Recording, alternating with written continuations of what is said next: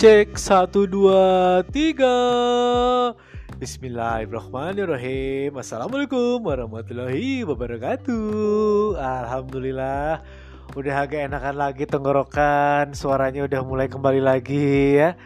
Karena buat para pendengar dan Stories Podcast itu ya ataupun buat wargi Bandung semua kan tahu sendiri ya di beberapa hari ke belakang kota Bandung itu lagi dingin banget. Tadi aja uh, pagi-pagi tuh di Bandung tuh berapa ya? 17 derajat gitu ya. Anjir itu tiris pisan euy.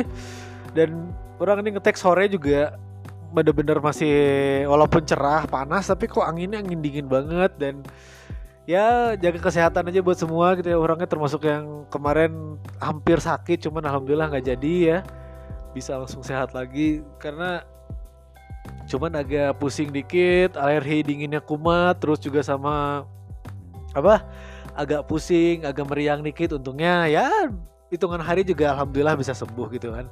Karena kalau nggak sembuh ini kan akan menjelang hari yang spesial nih. Nanti di hari Minggu tepatnya tanggal 3 Juli 2022 di kota Bandung yang tercinta ini ya di kayaknya mengulang memori 2019 ya kalau nggak salah terakhir kali itu JKT48 mampir ke Bandung itu di eranya masih ada si siapa Kila, Zara, ada Vanka dan kawan-kawan Ayana Shahab juga masih ada. Yap, nanti hari Minggu insya Allah mungkin orang akan live report akan ngetek di sana bersama teman-teman orang yang lama-lama gitu ya karena mungkin kangen-kangenan juga sama komunitas dan sama member-member JKT yang baru. Jadi JKT udah mulai keluar kota lagi nih, udah mulai day lagi. Kemarin Malang, Solo, Surabaya, Jogja, Semarang mungkin beberapa hari ke depan juga kayaknya bakal ada gitu kan. Nah, nanti tanggal 3 hari Minggu itu ada di Festival Citylink Bandung Jalan Peta. Ya, terima kasih juga buat semuanya lah yang udah apa ya, JOT dan semua member dan staff yang udah bisa mampir lagi kota, ke kota Bandung. Walaupun sebenarnya orang agak PR sih kalau perform di daerah eh di, di apa di Festival Citylink karena sempit banget areanya euy kalau gede mah sih BIP TSM gede banget. Cuman umumnya atau sewanya mahal atau gimana mungkin nggak tahu lah ya. Karena mungkin segmentednya ngejarnya yang medium kali ya.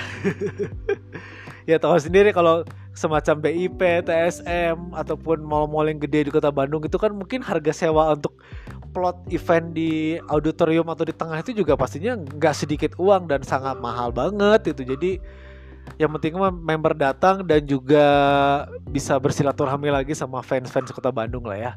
Kangen gak sih nonton JKT dengan udah dua tahun pandemi nggak eh, nggak uh, ada perform ada sih perform cuma tanpa penonton waktu itu di teater dan juga uh, beberapa fans aja yang datang pernah. Ada juga showroom dan segala macem.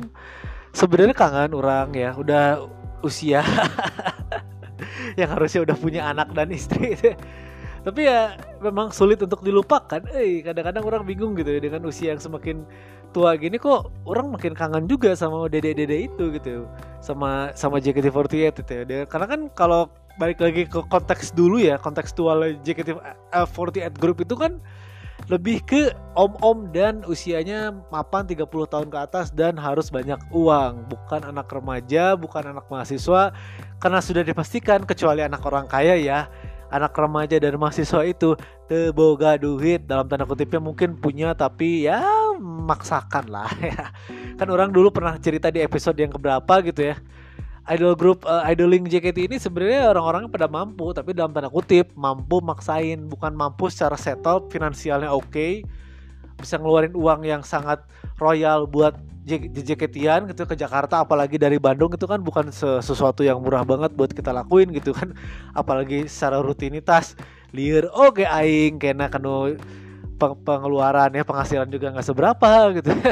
Terus tiba-tiba harus ngeluarin dengan uh, untuk hobi gitu kan. Apalagi orang kan persiban oke okay, kadang-kadang butuh buat nonton persib lah nobar lah atau juga apa buat day nanti mungkin pas liga jalan. Ya Allah oh iya ngomong soal persib uh, masuk 8 besar ya lawan PSS Sleman. Widi ini Melodi lawan Cici Sani. Asik. Kebetulan Cici Saninya nanti mau datang ke Bandung hari Minggu gitu ya.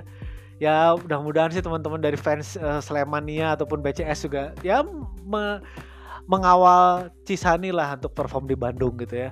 Karena kan mainnya tuh kalau nggak salah tuh hari apa ya? Orang nih ngetek tuh hari Rabu uh, hari Jumat gitu ya awalnya tuh orang rada-rada deg-degan nih soalnya ada yang bilang waktu nonton si Maung podcast itu adalah mainnya tuh di hari Minggu sore. Anjing lamun Minggu sore riut orang orang ker di Citylink gitu kan. Ke nonton JKT mungkin bisa aja sih nonton dulu pulang ke rumah atau nobar di mana. Terus nanti kan perform JKT kan biasanya ada di malam ya di setengah delapan atau jam 7 malam itu mini live biasanya di situ gitu. Tapi alhamdulillah lah jadi orang bisa fokus nanti hari minggu ya bener-bener having fun lah reunian lagi di sama teman-teman fans juga di sana di Bandung di Festival Citylink. Dan mainnya tuh kalau nggak salah malam lagi ini anggernya. Tengaruh eta ada hashtag di Twitter sempat rame kemarin boykot Indosiar gara-gara terlalu malam setengah sembilan mainnya. Ya gimana yang rating juga sulit juga sih kalau nggak disiarin di Indosiar nanti bobotoh juga pada protes gitu kan. Jadi udah nanti tanggal satu kalau nggak salah ya tanggal satu itu hari apa? Hari Jumat. Jumat malam jam 8 atau jam setengah sembilan biasalah rating. Dan menjadikannya lagi buat Persib Bandung sekarang ini banyak banget pemain yang cedera cuy. Aduh astagfirullahalazim. Ini kan udah dari bilang orang dari dari podcast yang sebelumnya orang bilang kalem atuh main teh imahnya sekedar pramusim tapi kayak terlalu serius gitu kayaknya coach Robert juga memang ngejar gelar juara di sini cuman percuma eh masuk semifinal ataupun juara tapi ntar di liga pemainnya pada nggak ada which is mungkin pada cedera gitu ya Nico Eper cedera berapa minggu gitu ya. Terus juga kan kemarin yang enam bulan itu kan Victor Igbunevo aman lah masih ada Bang Jupe. Irianto udah ada di Persib sekarang. Ricky Kambuaya udah ada, uh, Markok udah ada. Ya tapi kan yang lainnya banyak yang cedera. Ciro, DDS juga cedera, Ciro cedera. Aja Kayaknya untuk untuk yang saat ini tuh nggak ada pemain asing sih, kayaknya full lokal deh. Ya kita lihat aja nantilah apakah bisa melawan tim mudanya dari PSS Sleman yang di dikemandui sama pelatihnya di masa-masa lampau ya. Masa yang indah katanya itu dulu ya. Uh, siapa? Seto. Nur Se Set, Set, Nur Seto mah Kang Seto. Iya Seto Master Chef atau Nur Seto mah? Yang jelas coach Se, siapa? Seto gitu siapa ya? Yang dulu pernah di PSIM Yogyakarta juga sekarang balik lagi ke ranahnya memang daerah-daerah situ doang sih Persis Solo PSIM dan juga PSS Sleman dan nggak tau lah strateginya kayak gimana. Ya kalau lihat dari track record Persib sih bisa sih menang cuman orang nggak tahu kenapa ya kalah juga nggak apa-apa sih sebenarnya udah ini pramusim gitu bodo amat lah gitu karena orang lebih menyelamatkan uh, pemain gitu nanti jangan sampai cedera bertambah lagi dan dan ada kabar juga nanti di bulan Agustus ya mungkin bulan depan ya Eh, di beberapa bulan ke depan sampai 2023 itu ada Piala Indonesia bakal ada lagi cuy. Jadi ya ini ada dua kemungkinan lah ya. Kalau Persib gagal di liga masih ada harapan buat di Piala Indonesia. Nah, jangan sampai uh, terlalu over di pramusim di Piala Presiden ini nanti pas di uh, liga yang seriusnya Liga 1 ataupun di Piala Indonesia yang resmi nanti keok, nanti banyak yang cedera, pemain kurang. Aduh makanya harus orang ngeluarkan di hashtag Robert out anjing. Tunggal tahun bosen orangnya. Walaupun start, balik lagi strategi Robert adalah gitu-gitu kan ya uh, perubahan ya masih standar lah. Coach Roberto masih masih begitu-begitu doang lah. Apalagi nomor 13 astagfirullahalazim kita lihat nanti ya hari Jumat apakah uh, si nomor 13 ini jadi starter atau cadangan. Soalnya ya mohon maaf seperti biasa dia mah emang gitu-gitu doang mainnya nggak ada perubahan. Jadi ya harus ditingkatin lagi lah karena masih ada Erwin, masih ada Fred yang lebih bagus, lebih kencang, lebih gacor.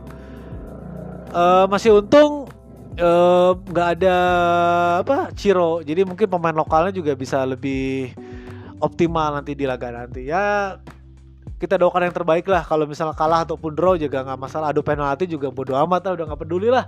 Yang penting mah pemain bisa selamat sampai liga dan kondisinya bisa 100% fit. Pemain bisa lengkap lagi pas liga karena orang berharap Persib juara di di Liga Indonesia 2022 2023 2023 amin.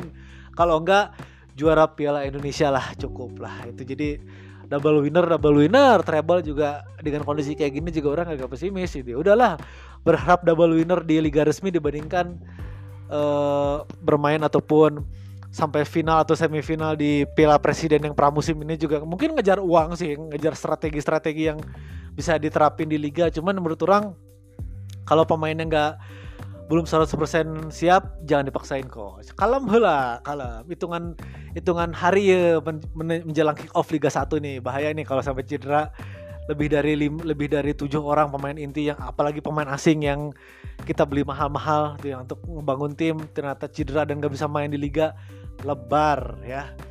Lebih lebar lagi kalau kamu eh, nggak uh, bisa nonton ini ya lebih lebar lagi ataupun sayang banget kalau nggak ikutan two shot nah jadi nyambung kadinya orang ya tapi bener sih orang agak kecewa kemarin ya. Orang mencoba pengen beli lagi tiket two shot JKT48 ini masih nyambung lah ya. Fanatisme aing teh ya, gitu kan. Persib, MU jeung JKT-an eta mah pasti gitu. Kemarin orang coba ngeplay di official JKT ternyata sudah habis. Pengen two shot sama Cisani 100 ribu. Tadinya mau berin lah maksain buat ketemu Cisani buat foto two shot itu walaupun orang kudu pakai masker Cisani pakai face shield. Nggak tenang naon nggak apa-apa karena ya baik lagi orang pengen mengeluarkan lagi hasrat orang nonton konser gitu. Nah kemarin juga sempat heboh di sosial media ya ada semacam ada dua sih kejadian heboh tentang JJK-Tian. Stop lah ya kalau udah ini kita orang ngomongin bola selesai lah Persib udah selesai. Karena kita balik lagi ke JJK-Tian hobi orang yang satu lagi yang oh ya oh ya oh ya oh ya oh ya, ah Jusai Kizo asik Allahu Akbar warak keswat dahar jadi ada, ada dua video viral di Twitter saat itu. Ya Ero akan bahas dua dikit aja di, di dua dua ini aja dulu ya karena ini menggambarkan gimana ke depannya JKT48 di masa new era ini gitu. Yang pertama ada video uh, ukti-ukti cewek-cewek yang di FX Sudirman Jakarta. Itu pas banget di pintu teater. Kayaknya sih memang jebolan dari K-pop sih, jebolan dari K-popers, cewek-cewek yang teriak ah ah gitu yang kebanyakan pakai sambil teriak-teriak terus mereka sambil megang handphone terus ngedeketin member kayak kalau zaman dulu tuh istilahnya ngezombie. Ngezombie dan itu sebenarnya dilarang loh sama fanbase ataupun sama aturan dari fans sendiri. Tidak tertulis memang cuman kita menjaga adab aja sebagai fans itu nggak boleh kayak gitu. Di era orang zaman dulu di 2011 2012 sampai terakhir itu 2017 18 bener-bener kayak ngejaga adab supaya member butuh privacy itu kok.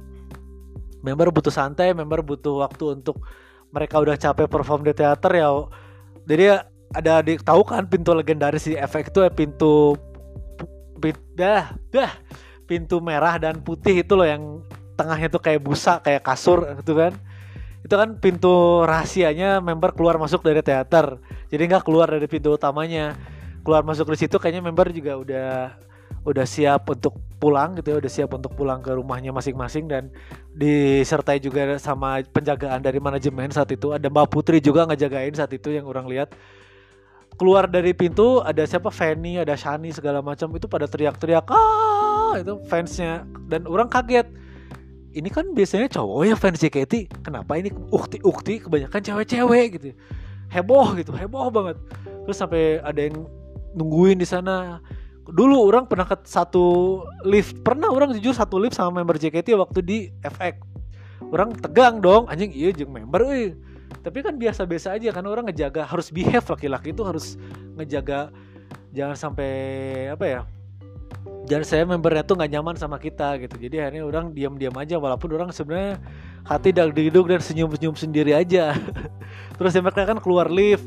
Katanya sih di keluar lift juga disambut lagi diteriakin lagi kayak gitu kan mereka marana atau sate gitu kan. Ini tuh ya memang sih konsep kayak gitu adalah konsep ngidol Korea ngidol K-pop. Eh, orang har harus mengakui itu karena untuk menjaga opa-opa Korea itu kan kalau di kemarin orang pernah cerita eh belum naik sih episodenya belum naik tentang Gen Z atau oh tentang idol group yang episode yang kemarin.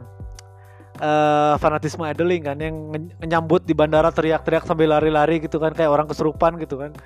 Itu tuh ternyata emang sistemnya sistem Korea gitu. Budaya Korea banget kalau ngejagain ngezombie kayak gitu istilahnya kan. Budaya Korea yang sebenarnya nggak nggak nggak cocok untuk diterapkan di J-pop yang di Jepang kayak gini di di di apa ya di budaya idol group JKT48 48 group ini menurut orang mohon maaf itu tidak pantas dan gak layak untuk ditempatkan gitu. Jadi ya terserah sih orangnya maksudnya anda berasal dari fanbase mana? Itu dari dari golongan uh, pendengar musik mana? Kayak dulu kan ada underground ada musik-musik uh, metal, metalhead segala macam, tapi kan mereka juga mengikuti alur ya. Uh, ngeblur eh jadi cair gitu kan. Ngeblend bersama karakter dan juga kultur dari fanbase JKT48 dan juga manajemen dari JKT48 itu sendiri gitu kan. Ya nggak kayak gitu cara mainnya gitu. Terserah anda mau dari dari fanbase K-pop yang tiba-tiba suka JKT karena gini loh orang lihat memang member-member JKT kan Gen Z ya kayak Azizi, Ellie segala macam itu ya mereka pengguna TikTok. TikTok itu kebanyakan ya anak-anak si usia mereka gitu. Orang tidak bisa menyalahkan itu gitu. Zaman sekarang emang seperti itu.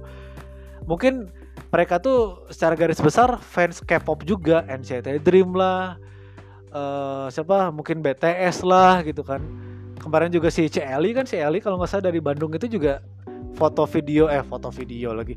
Dia nge-share foto ulang tahunnya juga kayak ada foto opak Korea gitu kan. Gede gitu kan. Dia mayoritas memang K-popers karena kan cewek gitu ya.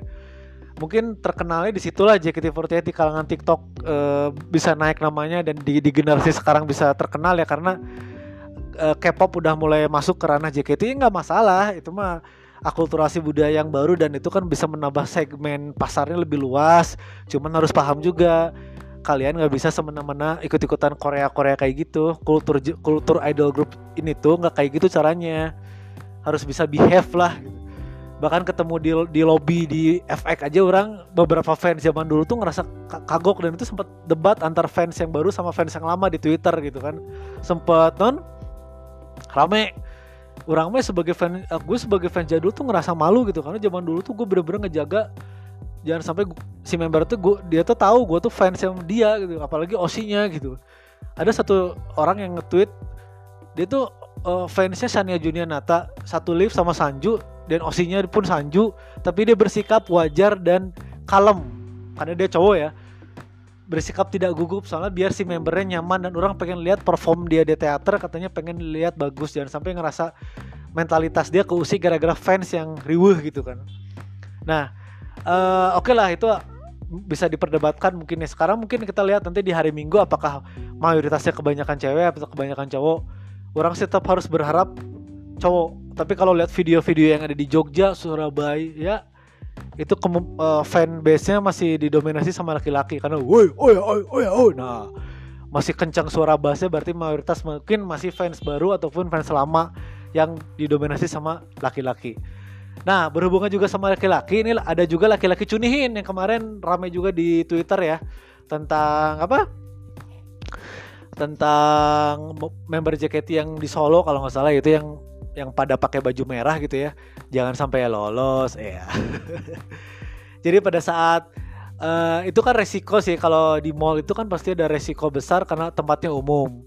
Tempatnya umum dan banyak banget orang-orang yang mungkin aja bukan fans mungkin aja dia cuma lewat doang tapi dia ngelihat cewek cantik kayak gitu tuh pengen ngerawel gitu pengen pengen ngerangkul gitu. Jadi di video itu sempat ada tangan yang sangat-sangat tidak sopan. Ya boleh dibilang mungkin kayak pelecehan seksual mungkin bisa lah ya disebut kayak gitu dan bisa dilaporkan sebenarnya itu ya.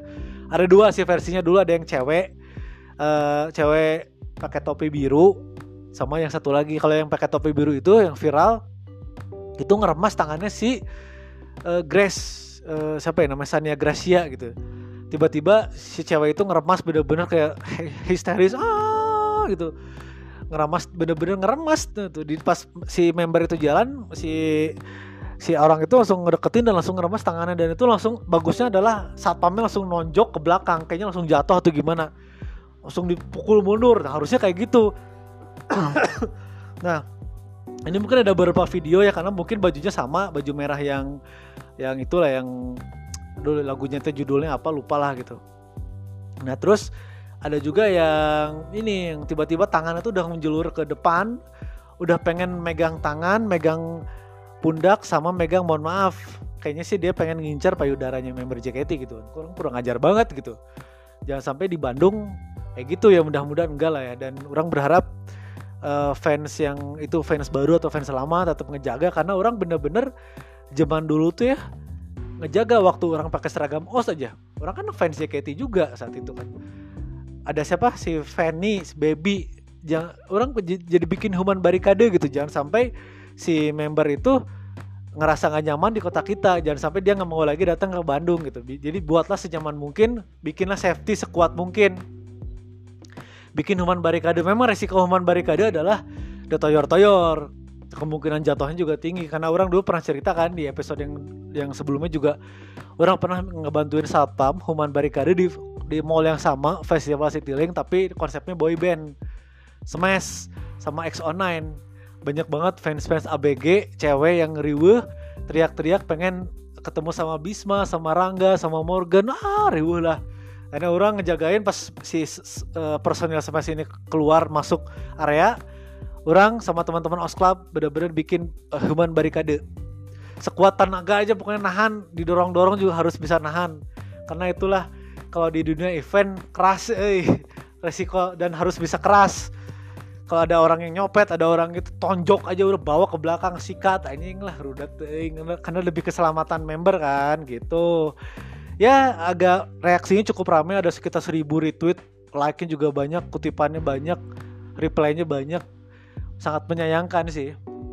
Ada perilaku oknum dari fans bukan fans mungkin orang yakin itu orang umum sih di mall yang lagi lagi lagi main aja ke mall tuh tiba-tiba ada cewek-cewek cantik lewat ya pengen ngerangkul pengen megang aja gitu. Kan memang resiko besar sih ya JKT kalau uh, perform di tempat yang free ya kayak gitu. Kadang orang berpikir mendingan performnya bayar sih kayak di Sabuga lah kayak di TSM gitu. Karena itu mah udah ke filter orang-orang yang terpilih orang-orang yang punya duit buat nonton JKT gitu. Kalau di tempat-tempat umum kayak mall gitu ya resiko orang yang tidak paham tentang kultur 48 group atau kultur idoling JKT ya akan jadi kayak gitu ngerasa nggak ngerasa kayak pedofil ngerasa kayak pengen punya tujuan sendiri lah tujuan negatif gitu kan. Tapi keuntungannya adalah bisa mengenalkan JKT48 ini di era sekarang kepada halayak umum dan masyarakat luas. Bahwa ini loh JKT48 itu masih ada loh. Di beberapa mall kan kayak kemarin di Surabaya, uh, Malang juga kan pecah banget itu kan. Fansnya juga rame banget saat itu dan ya orang respect gitu. Respect banget sama teman-teman dari fans. Bakal ada yang nge-flare juga anjir ya keren ya juga. Kayaknya sih gosipnya sih bakal ada Viking Club ya di Bandung ya. Ya nggak tau lah. Kita lihat ke depannya kayak gimana buat uh, gelaran dari JKT48 di Festival Citylink oh ya ngomongin sedikit masalah single baru kan ini Flying Height nih. Fly, eh, Flying Height ya yang ini juga agak sedikit kontroversi di di mata fans karena emang terlalu Korea Koreaan banget cuma 9 orang. Stylenya emang jujur aja sih dari segi musikalitas style pakaian perform ngedance itu K-pop banget. Ya nggak apa-apa sih untuk untuk sementara mengambil pasar K-pop ya nggak apa-apa gitu.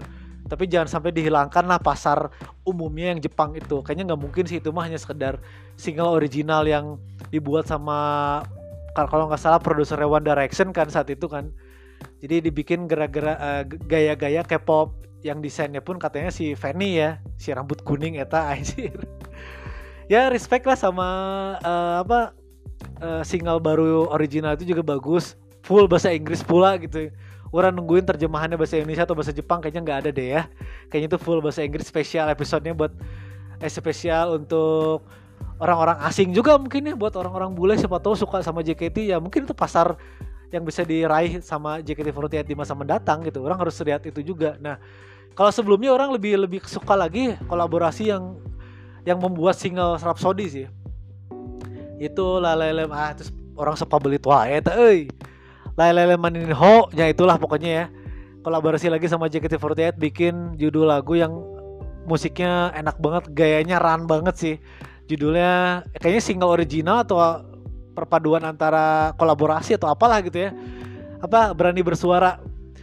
Hati-hati bicara hawas ada hati yang terluka. Aja itu keren banget. Dan memang konteksnya memang zaman now banget supaya orang-orang tuh yang lagi main medsos jangan ngehujat sana sini terus. Uh, pikirlah jarimu harimaumu. Kalau dulu kan adalah mulutmu harimaumu. Kalau ini jari jempolmu adalah telunjukmu adalah harimaumu. Jadi ada si Sania Gracia yang lagi main laptop tiba-tiba keluar ada Instagram, ada YouTube, ada TikTok segala macam uh, apa ya menggambarkan bahwa anak zaman sekarang tuh lagi senang main-mainnya medsos dan harus dijaga tata tutur bahasanya. Jangan sampai ada yang tersinggung, jangan sampai ada yang marah gara-gara cuitan kamu, ketikan kamu, postingan kamu. Ya walaupun sekedar himbauan pada faktanya adalah anggar-anggar keneh anjing budak zaman now mah apalagi TikTok mah isinya cuman provokasi gitu kan ada rame lah ada beberapa hal yang bikin rame media sosial gitu kan. Terus juga ada orang-orang komentarin di kolom-kolom komentar artis. Itu kan sebenarnya harus dijaga juga karena artis juga manusia biasa harus punya mikir sih kesinggung tuh sih ngomong iya gitu.